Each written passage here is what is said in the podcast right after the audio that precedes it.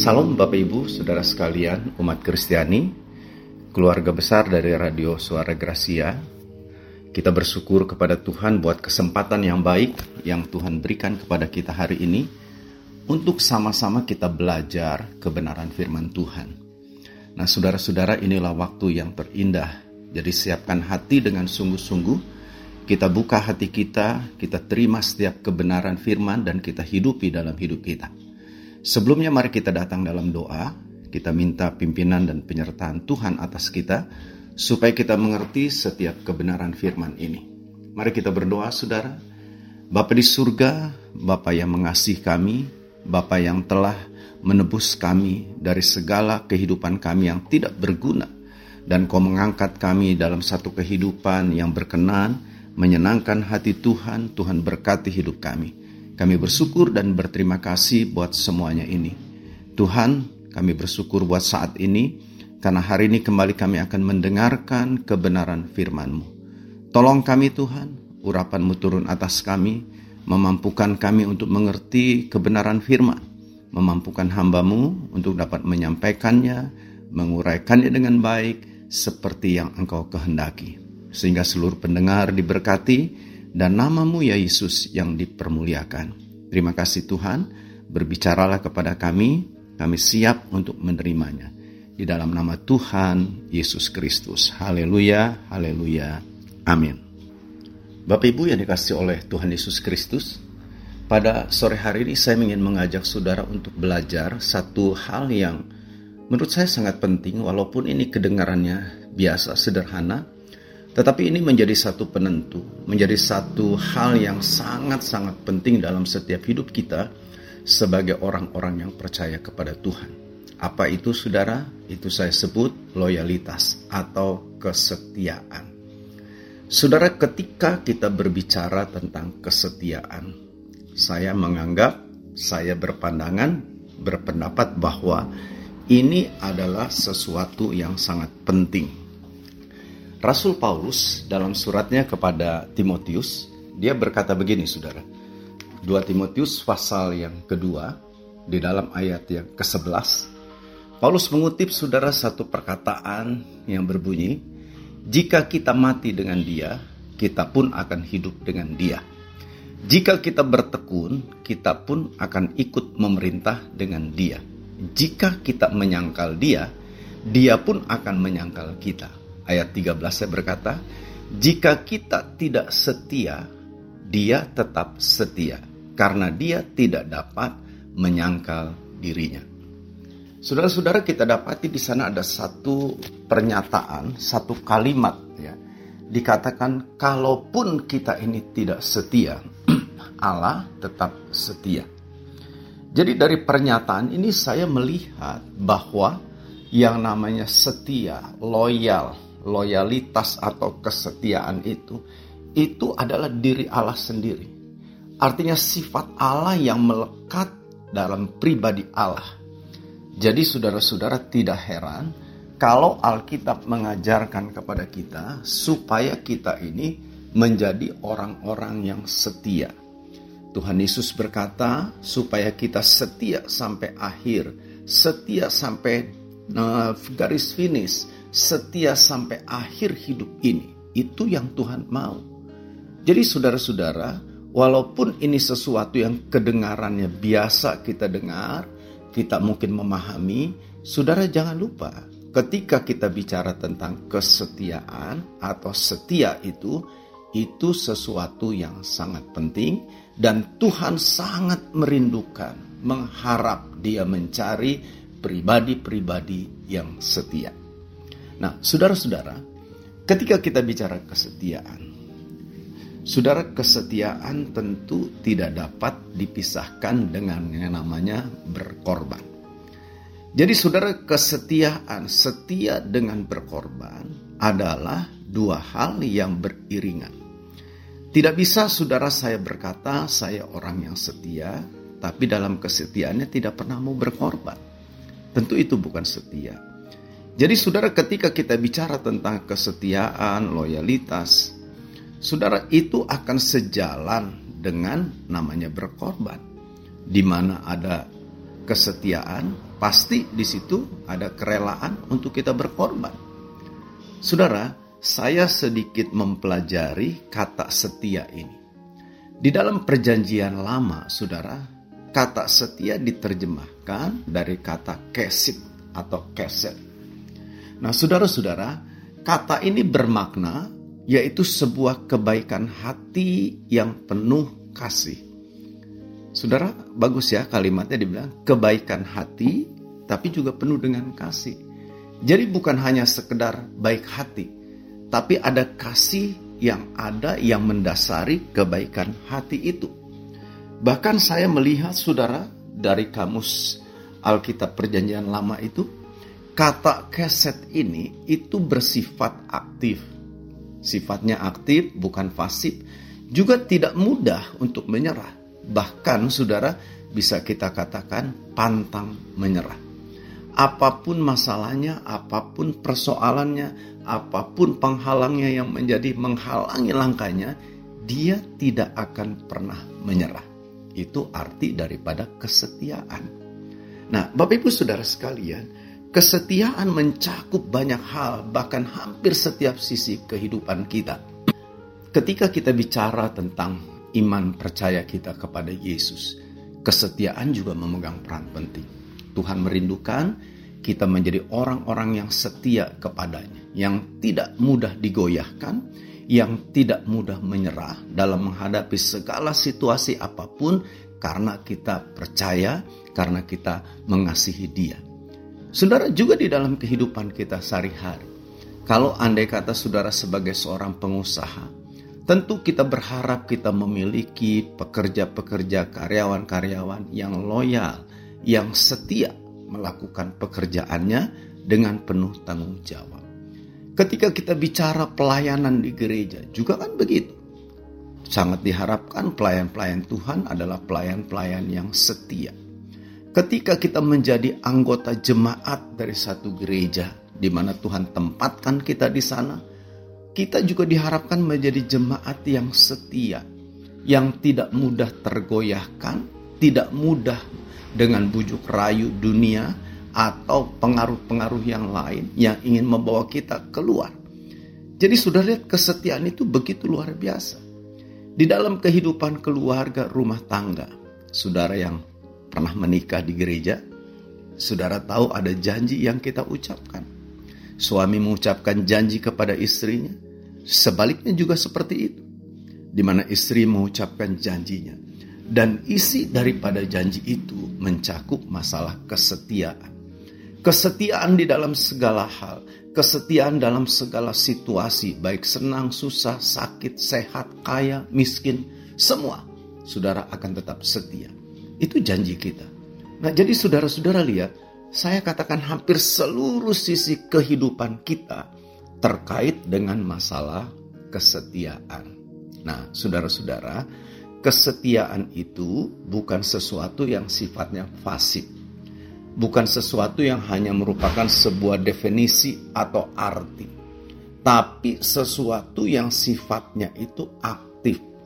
Bukan sekedar sikap tetapi tindakan nyata yang muncul dari sikap itu. Jadi saudara pahami ini. Saya tahu saudara banyak kali mungkin saudara sering dengar tentang kesetiaan ini. Nah, kesetiaan yang aktif inilah yang disertai dengan masalah berkorban. Satu kesiapan, kerelaan untuk kita berkorban. Saudara, di dalam kitab Amsal pasal yang ke-20 ayat yang ke-6 di sana firman Tuhan berkata begini, banyak orang menyebut diri baik hati. Tetapi orang yang setia siapakah menemukannya? Saudara-saudara, dari kalimat ini saya melihat ada begitu banyak orang menganggap dirinya baik hati. Bahkan mungkin ada banyak orang yang dianggap oleh orang lain sebagai orang yang baik hati. Wah kita senang dan kita enak saudara bagus ya. Kalau andai kata orang berkata wah saya tuh orang yang baik hati. Tentu kita senang seperti itu. Tetapi saudara Alkitab mengatakan tidak cukup kita hanya menjadi orang-orang yang baik hati. Tidak cukup orang mengenal kita, mengetahui kita sebagai orang yang baik. Tidak cukup. Bahkan kalau saya lihat ayat ini, itu bukan sesuatu yang bisa kita banggakan. Saudara-saudara, tetapi saudara, kalimat dalam ayat ini di kalimat keduanya berkata begini. Orang yang setia itu siapa yang menemukannya? Saya memaknai ayat ini, kalimat ini saudara, ingin menyatakan bahwa yang namanya kesetiaan itu itu menjadi sesuatu yang susah didapatkan. Sulit rasanya saudara untuk menemukan, mendapatkan orang-orang yang setia, yang loyal saudara. Saudara-saudara, kita bisa lihatlah hal-hal nyata dalam hidup ini, dalam kehidupan keluarga, banyak sekali terjadi perceraian. Dan itu bukan terjadi di orang-orang di luar sana. Di dalam kalangan orang-orang Kristen pun saudara yang sudah berjanji setia sampai mati, tetap saudara terjadi perceraian. Berarti kan kesetiaannya itu saudara tidak terbukti. Jadi benar kalau dibilang susah kita dapatkan. Kita pingin dapat suami, dapat istri, orang-orang yang setia. Tapi kenyataannya kita lihat, saudara, susah didapatkan pribadi yang setia. Kita lihat seorang karyawan yang bekerja. Saya kenal seorang karyawan, saudara. Dia bekerja di satu perusahaan. Saat itu sebetulnya dia sedang terpuruk. Nah, lalu ada seorang kenalin dia dengan satu owner pemilik perusahaan bekerjalah dia di sana diterima karena rekomendasi dari teman ini. Nah, saudara dia bekerja sekian lama, kelihatan dia setia. Tapi satu hari, saudara, dia akhirnya mengatakan saya ingin keluar dari pekerjaan ini. Saudara tahu kenapa? Dia membuka usaha di bidang yang sama dengan pekerjaan yang tadinya dia kerjakan. Saudara mungkin berkata, ya boleh-boleh saja kan Pak untuk demi kemajuan. Saudara-saudara, menurut saya itu tidak tidak etis dan itulah menunjukkan ketidaksetiaan jadi kita melihat ada banyak sekali saudara orang yang tidak setia yang kita temui di dalam kehidupan ini. Bahkan saudara, kalau kita lihat orang-orang yang percaya kepada Tuhan, sering kali kesetiaannya itu juga bersyarat. Saya akan setia sama Tuhan kalau Tuhan selalu tolong saya saya akan setia kepada Tuhan kalau Tuhan itu melakukan hal-hal yang besar dalam hidup saya. Saya akan setia kepada Tuhan kalau Tuhan memberkati hidup saya, memberikan saya ini dan itu. Kan banyak orang yang seperti itu, Saudara. Nah, Saudara-saudara, ada juga orang-orang yang setia itu hanya setengah jalan. Tahukah Saudara, kesetiaan itu memang tidak bisa ditunjukkan saat ini Ketika kita baru melayani, kita berkata, "Oh, saya akan setia." Saudara-saudara, itu pernyataan yang tidak dapat dibuktikan. Sebab kesetiaan itu akan ditentukan oleh rentang waktu, dan di dalam rentang waktu itu ada banyak persoalan-persoalan yang terjadi. Kita lihat tetap setia atau tidak. Bukankah ada banyak orang-orang yang melayani Tuhan juga hanya di awal-awal saja setia? Hanya pada awalnya saja dia bergairah, dia bersemangat, menyatakan tekadnya untuk setia. Tapi dalam perjalanan waktu selanjutnya, apa yang terjadi? Tidak sedikit orang yang meninggalkan pelayan. Saudara, di dalam Alkitab ada seorang yang bernama Demas. Siapa Demas itu? Ini teman dari Paulus, saudara. Pelayan Tuhan yang melayani bersama-sama dengan Paulus. Tentu ini bukan orang sembarangan, saudara Beberapa kali Paulus menyebut namanya ketika Paulus menuliskan beberapa surat kepada jemaat-jemaat tertentu. Tetapi saudara sampai di satu saat Paulus berkata saudara begini, Demas sudah meninggalkan aku. Dia lebih mencintai dunia ini. Wah, saya kaget juga waktu baca ayat itu. Tapi itulah kenyataan, saudara. Orang-orang yang melayani yang kelihatannya hebat, kelihatannya begitu luar biasa Ya, kita tidak tahu kenapa sebabnya saudara. Tapi fakta yang kita lihat, saudara mereka tidak lagi melayani. Mereka lebih mencintai dunia. Saudara saya pernah kuliah, ada seorang dosen yang saya sangat kagum. Dan saudara kita punya hubungan yang cukup dekat. Ya, Saudara saya sering telepon dia setelah saya selesai kuliah itu juga ya saya telepon dia. Dia seorang dosen yang menurut saya begitu luar biasa, Saudara. Cara mengajarnya begitu baik, dia menguasai. Pokoknya baiklah begitu, Saudara. Tapi Saudara satu hari setelah sekian lama, biasanya minimal setahun sekali pas Natalan saya ucapkan selamat Natal begitu sudah. Tapi satu saat saya telepon dia dan dia nada suaranya itu agak sedikit berbeda. Bukan marah, bukan sudah. Tapi ada rasa seperti malu, nggak enak, begitu saudara. Setelah ngobrol, ngobrol panjang lebar, dia bilang begini, aduh Pak Ferry maaf, dia bilang, saya sudah tidak lagi mengajar Bahkan saya sudah tinggalkan tugas pelayanan-pelayanan saya itu. Saudara saya cukup kaget. Hanya karena memang ditelepon jadi saya nggak bisa bicara bertanya banyak kepada dia. Jadi ini kenyataan-kenyataan yang kita temui. Orang-orang yang tadinya setia sungguh-sungguh dalam pelayanan tapi mogok di tengah jalan. Nah Bapak Ibu Saudara sekalian kenapa ya bisa seperti itu? Kenapa Amsal 20 ayat 6 berkata begitu susah mendapatkan orang-orang yang setia? Siapa yang bisa menemukannya? Ada apa sebetulnya dengan kesetiaan itu? Saudara-saudara, seperti di awal saya katakan, dugaan saya, saudara, karena kesetiaan itu menuntut sebuah pengorbanan. Ini masalahnya, saudara. Kesetiaan itu harganya adalah sebuah pengorbanan. Saya dapat dikatakan sebagai orang yang setia, saudara-saudara, ketika saya terus ada di dalam kesetiaan itu sampai akhirnya. Dan di dalam perjalanan itu saudara pasti saya katakan pasti akan ada banyak hal-hal yang kita sebut sebagai pengorbanan. Bapak Ibu Saudara sekalian, dalam Alkitab kita bisa lihat contoh-contoh pribadi-pribadi yang setia. Yang sangat kita kenal itu adalah Ruth. Seorang wanita, saudara yang bisa kita sebut wanita yang sangat-sangat setia. Kita tahu semua ceritanya bagaimana Ruth. Dia menikah saudara dengan suaminya, anak seorang kaya lah katakan. Orang dari Bethlehem yang datang ke negerinya Ruth. Ruth bukan orang Yahudi, dia orang Moab saudara. Dia menikah saudara, juga ada iparnya dia Orpah. Jadi sama-sama Alkitab bilang saudara Elimelek mati, kedua anaknya juga mati, Mahlon dan Kilion, sehingga tinggal ibu mertua yang bernama Naomi dengan dua mantunya. Dan keadaan semakin terpuruk, saudara membuat mereka susah. Bahkan kalau boleh saya bahasakan mungkin untuk makan saja susah. Jadi seperti kehilangan harapan sampai Naomi lalu berpikir sudahlah aku pulang kembali ke kampung. Pada waktu dia merencanakan itu dipanggillah dua mantunya dan Naomi berkata, pulanglah kalian ke orang tua kalian. Sudah tidak ada harapan lagi. Saya tidak bisa menjamin hidupmu lagi. Saudara-saudara, apa yang terjadi? Kita tahu mereka tadinya tidak mau, mereka mau tetap ada bersama Naomi.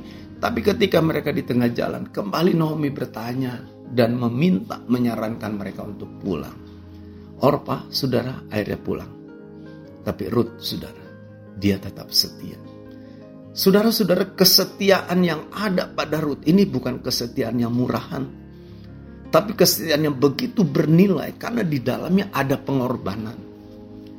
Dia rela tinggalkan kebangsaannya orang Moab. Dia rela tinggalkan keluarganya, orang tuanya.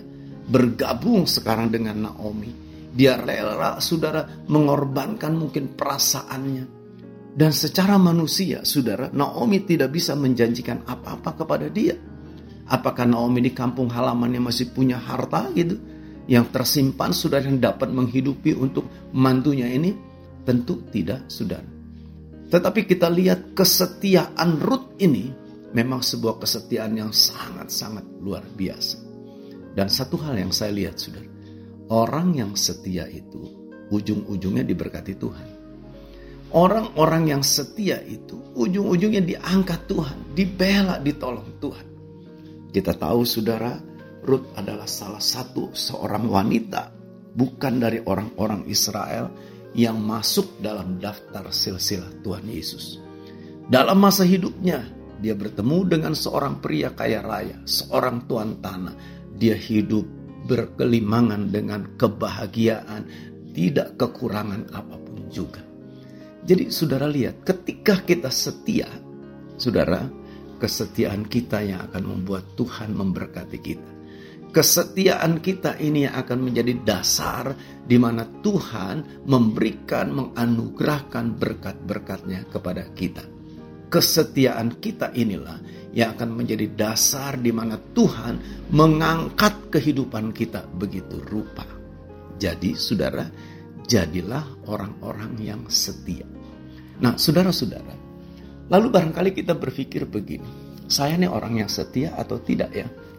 Kira-kira kalau saudara lihat secara jujur nih hidup saudara, sekian lama akan mungkin saudara jadi orang Kristen, sekian lama mungkin saudara melayani, atau sekian lama saudara bekerja berumah tangga sebagai suami atau istri. Coba saudara nilai, coba saudara lihat apakah kita sudah menjadi orang yang setia. Saudara-saudara, sekali lagi, kesetiaan ini harganya mahal. Ada banyak hal saudara dalam rentang waktu itu bisa terjadi dalam hidup kita. Saudara-saudara, di dalam kitab Wahyu pasal yang kedua ada jemaat di sana namanya jemaat Efesus. Memang pada akhirnya jemaat ini katakanlah mengalami kemerosotan, saudara, sehingga Tuhan menegur mereka, mereka sebagai orang-orang yang sudah meninggalkan kasihnya yang semula. Bukan berarti mereka murtad, tidak saudara ya. Tapi mereka tetap percaya, mereka tetap melakukan kegiatan mereka, tapi saudara ada yang hilang dari mereka, yaitu kasih mula-mula. Saudara, tetapi kalau kita baca, kita pelajari bagaimana kehidupan jemaat ini khususnya pada awal-awalnya. Kita temukan, saudara, adanya sebuah jemaat yang dapat kita bilang, apa ya, begitu setia Nah, kita perlu belajar, saudara, kesetiaan yang seperti ini. Kesetiaan seperti apa sebetulnya yang diperlihatkan, ditunjukkan oleh jemaat di Efesus ini? Saudara, Tuhan Yesus sendiri mengakui itu. Ketika Yesus menulis surat kepada jemaat itu dalam kitab Wahyu pasal yang kedua itu, saudara-saudara dikatakan begini, aku tahu katanya, ayat 2-nya ya, pasal 2 kitab Wahyu, aku tahu segala pekerjaanmu jadi Tuhan tahu saudara apa yang dilakukan, yang dikerjakan oleh jemaat, oleh saudara dan saya. Lalu kalimat berikutnya, saudara, ini pernyataan, saya bilang pernyataan dari Tuhan Yesus sendiri. Jadi bukan cuma sebuah pengakuan pribadi. Tapi Yesus mengakui benar-benar kesetiaan dari jemaat ini. Dikatakan dalam ayat 2 itu, Aku tahu segala pekerjaanmu, titik 2, baik jerih payahmu maupun ketekunanmu. Saudara coba perhatikan kalimat ini. Jeripayah dan ketekunan. Kalimat ini terucap dari mulut Tuhan Yesus. Jadi dari mulut Tuhan sendiri terucap kalimat ini untuk jemaat di Efesus.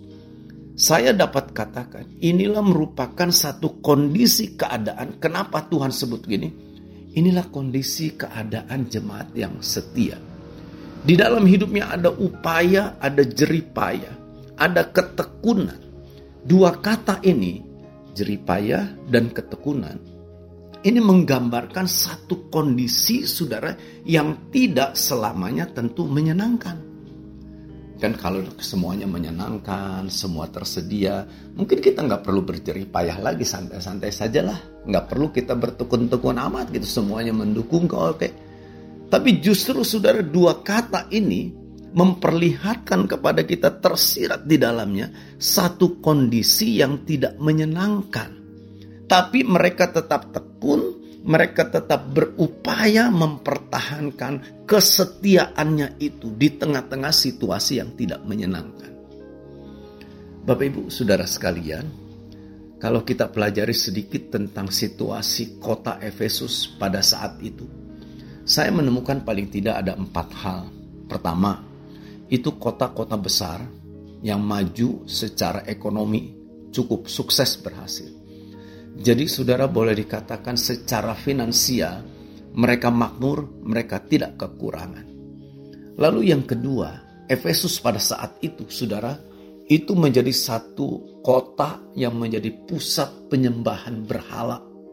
Di sana ada patung Dewi Artemis atau Dewi Diana itu yang besar gitu saudara ya patungnya sih saya baca-baca jelek sebenarnya namanya bagus Diana tapi sebenarnya jelek katanya patungnya Saudara, di samping itu, masyarakat kota itu percaya kepada hal-hal yang bersifat tahayul, gitu saudara. Dan juga masyarakat yang ada memang heterogen, majemuk saudara. Ada bermacam-macam orang di sana, ada orang Yahudi juga di sana. Jadi saudara coba bayangkan tinggal di satu kota yang seperti itu. Di tengah-tengah situasi kota yang seperti itu tinggallah di sana umat Tuhan, jemaat Tuhan, orang-orang yang percaya. Jangan kita pikir saudara, oh saya tidak tidak mungkin terpengaruh, belum tentu, saudara. Saudara, dunia yang ada pada saat itu, ekonomi yang mapan, yang makmur, bukankah itu bisa menjadi persoalan tersendiri? Saudara-saudara, bisa jadi saya bayangkan begini, saudara orang-orang Kristen itu bisa jadi dihina katakan oleh mereka orang-orang kaya. Mana Tuhanmu? Katanya Tuhanmu kaya. Buktinya hidupmu kok seperti itu. Nah saya yang tidak percaya Tuhan. Lihat saya mau beli apa saja ada. Saya bisa punya rumah besar. Saya punya harta kekayaan yang begitu banyak. Mana kamu katanya percaya Tuhan? Buktinya seperti itu. Saudara ada orang-orang yang begitu kan. Jadi saudara kita berada di kota yang begitu nggak gampang saudara ada tekanan-tekanan baik secara psikis, kejiwaan kita, bahkan mungkin secara fisik juga. Saudara ditambah lagi kita lihat itu penyembahan berhala yang ada di sana. Bukan penyembahan hanya satu dua orang satu keluarga saja tidak. Tapi itu satu penyembahan bahkan dikatakan satu kota itu. Bahkan banyak dari kota-kota lain datang saudara ke Efesus untuk melakukan penyembahan berhala itu. Itu ritualnya menjijikan sekali kalau saudara pelajari saudara baca Saudara-saudara, jadi ditambah lagi kita lihat sebagian besar orang-orang di sana biasa percaya dengan masalah hal-hal yang bersifat tahayul. Mereka mungkin memelihara hari-hari tertentu, wah tanda begini dan macam-macam begitu saudara. Bapak Ibu, saudara sekalian, situasi seperti itu itu memberikan pengaruh tekanan tersendiri terhadap umat Tuhan. Tidak heran kalau saudara baca dalam kitab kisah para rasul. Pasal berapa ya? Itu saya lupa pasalnya itu saudara. Waktu Paulus mau perpisahan tuh dengan jemaah dengan tua-tua Efesus itu. Paulus saudara punya perhatian khusus tuh terhadap jemaat. Ketika dia ingin tinggalkan jemaat itu dikumpulkanlah tua-tua dari Efesus datang. Paulus ngomong panjang lebar lama begitu dalam sudah. Banyak nasihat-nasihat yang diberikan banyak masukan-masukan, peringatan-peringatan yang Paulus berikan saudara kepada tua-tua itu. Bagaimana mereka harus benar-benar memperhatikan, memelihara kawanan domba itu. Kenapa begitu saudara?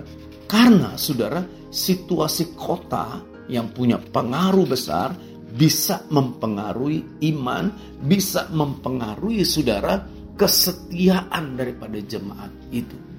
Saudara bisa baca dulu kisah Rasul pasal 20 ya mulai ayat 17 bagaimana Paulus panjang lebar menasehati mereka. Jadi saudara-saudara ini kita bisa lihat situasi itu. Nah jadi saudara-saudara di tengah situasi yang seperti itu mereka tuh tetap setia. Bagaimana bisa itu? Bisa dikatakan mereka tetap setia menjaga kesetiaannya itu. Saudara karena ada upaya mereka mereka sungguh-sungguh. Sekalipun berat secara manusia, sekalipun berat mungkin mereka dihina, diejek, diperlakukan sedemikian tidak menyenangkan. Saudara mereka tetap bertahan, berupaya untuk terus ada di dalam jalan Tuhan dan ada di dalam ketekunan. Bapak Ibu, saudara sekalian, saya tahu, saya mengerti, saya banyak dengar dari jemaat yang saya layani tentang situasi kondisi saat ini. Katanya saat ini dunia sedang tidak baik-baik saja. Indonesia sedang tidak baik-baik saja. Perekonomian sedang tidak baik-baik saja. Saudara-saudara, ini menjadi fakta yang kita hadapi. Ada banyak para pengusaha, para pedagang mereka mengeluh Saudara-saudara kemarin saya eh, hari Kamis pergi ke Jakarta karena mengikuti satu rapat saudara di kantor GBI, di kantor Sinode GBI. Nah saudara-saudara, lalu saya pulang, saya kan berangkat dengan istri, saya sempat mampir di satu tempat di kota Bekasi. Saya melihat saudara dulu yang toko-toko itu katakan besar maju, sekarang tutup saudara. Jadi saya pikir kenapa ya, kenapa gitu. Saya lihat ada saudara banyak memang kafe dan sebagainya, rumah makan ya toko-toko, tapi kelihatan sepi begitu sudah. Ya saya nggak tahu lah kenapa seperti itu ya. Mungkin saudara lebih tahu. Tapi saudara situasi kondisi seperti ini kita perlu ada satu upaya. Ada satu usaha. Usaha apa? Menjaga iman kita. Menjaga kesetiaan kita. Selain ada upaya-upaya yang lain itu. Dan kita harus tekun terus saudara berada dalam ketekunan tanpa menyerah. Tanpa lalu kita mengangkat tangan, sudahlah aku menyerah saja. Enggak begitu, saudara. Nah ini orang-orang yang setia. Ini yang dilakukan oleh jemaat di Efesus sebagai bukti bahwa mereka benar-benar orang yang setia. Mereka hidup di tengah-tengah tekanan, mereka hidup di tengah-tengah tantangan, mereka hidup di tengah-tengah kesulitan yang ada, saudara. Tapi saudara, mereka tetap setia. Hal yang kedua, saudara yang bisa kita lihat dari jemaat ini, saya perhatikan saudara di dalam ayat yang ketiganya, kalau saudara baca di sana, kita akan lihat bahwa jemaat ini tidak mudah dibodohi dengan penampilan-penampilan, dengan atribut-atribut guru-guru palsu. Mereka teliti, mereka tidak asal terima saja gitu. Tapi mereka benar-benar secara selektif, mereka amati, mereka lihat saudara. Nah tentu untuk dapat memberikan penilaian benar salahnya kan harus ada standarnya. Nah standarnya ini adalah kebenaran firman Tuhan yang sejati. Benar mungkin jemaat pada waktu itu tidak memiliki Alkitab seperti yang kita miliki. Tapi jangan lupa, saudara Paulus sekian lama ada di kota itu, lalu setelah itu diteruskan oleh Timotius, diteruskan juga oleh tua-tua yang ada, memberikan pengajaran-pengajaran yang benar, menanamkan kebenaran-kebenaran firman kepada jemaat itu. Dan ini memenuhi hidup mereka, menjadikan mereka pribadi-pribadi yang tetap loyal, tetap setia kepada Tuhan. Nggak mudah untuk diselewengkan. Orang datang mengatakan, oh saya rasul, saya siap memberikan pengajaran. Saudara nggak mudah terkecoh mereka. Nah di sini kita perlu belajar saudara. Situasi yang saudara dan saya hadapi pada saat ini, ini bukan situasi yang mudah. Ada banyak pengajaran-pengajaran yang tidak sesuai dengan kebenaran Alkitab yang bisa kita temui di media sosial. Saudara bisa buka YouTube, saudara bisa buka TikTok, macam-macam, saudara mulai dari hamba-hamba Tuhan yang punya nama besar sampai katakan yang tidak dikenal pun kita bisa dengarkan di sana. Nah persoalannya kita bukan sedang menghakimi nih saudara ya. Tapi persoalannya bagaimana kita menjaga hidup kita supaya ajaran-ajaran yang kita terima itu benar-benar ajaran yang alkitabiah. Yang bersumber dari kebenaran firman. Karena saudara-saudara ada banyak ajaran-ajaran yang keluar dari kebenaran firman. Oke, mungkin dia pakai ayat-ayat Alkitab. Contoh saja, saudara tidak asing ya kita mendengar nama saksi Yehova. Mereka mungkin pakai Alkitab yang awalnya Alkitab yang sama dengan yang kita punya. Tapi dimaknai, ditafsirkan sesuka-suka mereka. Disesuaikan dengan pandangan pribadi mereka. Nah ini kan nggak benar, saudara. Nah kita perlu hati-hati di sini, jangan terkecoh. Jemaat di Efesus, mereka adalah jemaat yang benar-benar melihat hal ini. Sekalipun ada orang yang datang mengaku diri sebagai rasul, itu tidak langsung diberikan kesempatan. Tapi mereka coba cek dulu, mereka buktikan dulu. Mereka tidak mudah untuk tergoda dengan jabatan atau dengan gelar dari pengajar itu tetapi mereka lebih memintingkan isi dari apa yang diajarkan itu. Saudara-saudara, jadi saran saya nih, sebaiknya saudara setialah di gereja saudara. Gembala jemaat yang kepadanya Tuhan percayakan saudara untuk digembalakan, itu adalah pribadi-pribadi yang Tuhan pilih, Tuhan tetapkan. Dan saya mau katakan tidak mungkinlah gembala seorang gembala yang Tuhan percayakan itu akan mengajarkan ajaran-ajaran yang sesat. Tidak, saudara. Nah jadi mari, saudara. Paling tidak kita mau tetap menunjukkan kesetiaan kita. Dengan cara, saudara-saudara jangan sembarangan terima pengajaran. Ada banyak orang meninggalkan kesetiaannya, meninggalkan gerejanya karena terpengaruh dengan ajaran-ajaran yang sesat. terpengaruh dengan ajaran-ajaran yang tidak benar. Satu hari saudara saya memimpin sebuah persekutuan doa kayak kelompok sel begitu. Ada seorang ibu yang setia luar biasa, hampir tidak pernah absen. Tapi tiba-tiba satu hari saudara hilang. Saya pikir oh mungkin minggu ini barangkali dia tidak datang karena sakit atau apa. Ya sudah, minggu depannya tidak datang. Ada tiga kali nggak datang. Jadi saya berkunjung ke rumahnya. Saya tanya kenapa. Saudara-saudara, awalnya dia tidak mau cerita.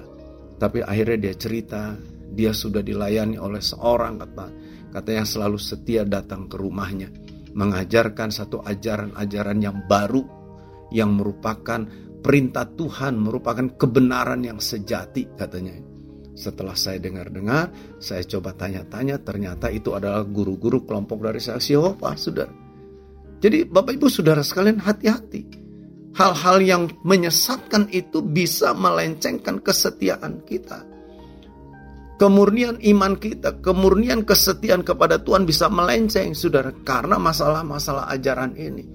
Jadi saya berharap, saudara, kita benar-benar memperhatikan apa yang kita dengar, apa yang kita terima, yang kita makan ini perlu benar-benar disfilter, perlu benar-benar dijaga, diperhatikan baik-baik. Jangan terkecoh dengan jabatan, jangan terkecoh dengan gelar yang begitu banyak, jangan terkecoh itu. Itu sebabnya isilah hidup saudara dengan kebenaran firman. Yang ketiga yang terakhir yang saya mau katakan, saya melihat jemaat ini saudara jemaat yang sabar. Kenapa dia sabar? Oh dia punya pengharapan di dalam Tuhan. Susah, memang susah. Ada tantangan, ada tantangan. Tapi dia tidak putus asa. Dia tahu satu pengharapan yang pasti bahwa kesulitan-kesulitan yang sedang dia alami itu dia melihat tangan Allah itu sedang mengerjakan sesuatu yang kelak akan mendatangkan sebuah kemuliaan yang jauh lebih besar. Nah, sikap seperti ini harus ada pada kita. Dengan demikian kesetiaan kita akan terjaga. Kita tidak mudah dirayu, dibelokkan saudara, dikasih diiming-iming dengan hal ini dan itu. Kita tidak akan tergoda itu. Karena kita tahu apa yang kita alami saat ini. Mungkin susah, mungkin kita menderita, mungkin kita kekurangan, mungkin ada banyak tantangan. Saudara saya mau katakan dengan sungguh kepada saudara. Mari lihat itu dengan mata iman dalam mata pengharapan saudara Saudara akan temukan di dalam kesusahan saudara, dalam penderitaan saudara, saudara akan temukan ada tangan Allah di sana sedang mengerjakan sesuatu, yaitu kemuliaan yang lebih besar, yang begitu bernilai yang sedang disediakan untuk kita semua. Paulus dia bilang begitu kan saudara dalam 2 Korintus pasal 4 itu, ayat 16-17. Dia tidak terkecoh dengan apa yang dia lihat. Dia tidak terkecoh dengan apa yang sedang dia alami. Karena dia tahu ada kemuliaan yang Allah sediakan yang sedang Allah siapkan untuk mereka yang setia. Jadi mari saudara, apa pun situasinya, sabar. Ingat saudara, kita adalah orang-orang yang punya pengharapan dan pengharapan di dalam Tuhan tidak akan pernah mengecewakan. Itu pasti, saudara. Bukan saya yang menjamin, tapi Alkitab firman Tuhan yang menjamin. Tuhan Yesus berkati kita semua. Amin. Amin. Mari kita berdoa, saudara. Terima kasih Bapak buat kebenaran firman-Mu yang telah mengingatkan kami, mengajarkan kami. Supaya kami menjadi orang-orang yang setia. Memiliki sikap kesetiaan, sifat kesetiaan, loyalitas itu ada pada kami. Entahkah kami sebagai seorang hamba Tuhan yang melayani, sebagai jemaat, sebagai karyawan, sebagai pemimpin, atau apa pun posisi kami. Tuhan, biarlah kami tetap menjadi orang yang setia. Karena kami tahu Tuhan, ada perkara yang mulia dan besar Tuhan sediakan bagi kami yang setia. Terima kasih buat kebenaran firman-Mu. Tanamkan itu dalam hidup kami, bertumbuh dan berbuah-buah. Tuhan dari studio ini hamba berdoa, berkatilah umatmu. Seluruh umatmu pendengar yang sudah mendengarkan firman-Mu, berkati mereka. Kalau ada di antara mereka yang sakit dalam nama Yesus disembuhkan, yang lemah dalam nama Yesus diberi kekuatan, yang sedang ada dalam pergumulan, ada kekuatan ekstra yang membuat engkau bersabar, menaruh pengharapan di dalam Tuhan. Terima kasih Bapa, berkati hamba-hambamu, gerejamu, umatmu semua. Berkati kota-kota di mana siaran ini ditangkap. Bahkan berkati bangsa kami yang sedang memasuki tahun politik ini. Roh Kudus tetap mengontrol dan kami sangat percaya Engkau mengasihi bangsa kami. Engkau memberikan seorang pemimpin yang akan datang ini sesuai dengan kehendakmu. Terima kasih Tuhan, kami bersyukur buat kebaikanmu, buat anugerahmu bagi kami saat ini. Terpujilah nama Tuhan di dalam nama Tuhan Yesus Kristus. Haleluya, haleluya. Amin, amin.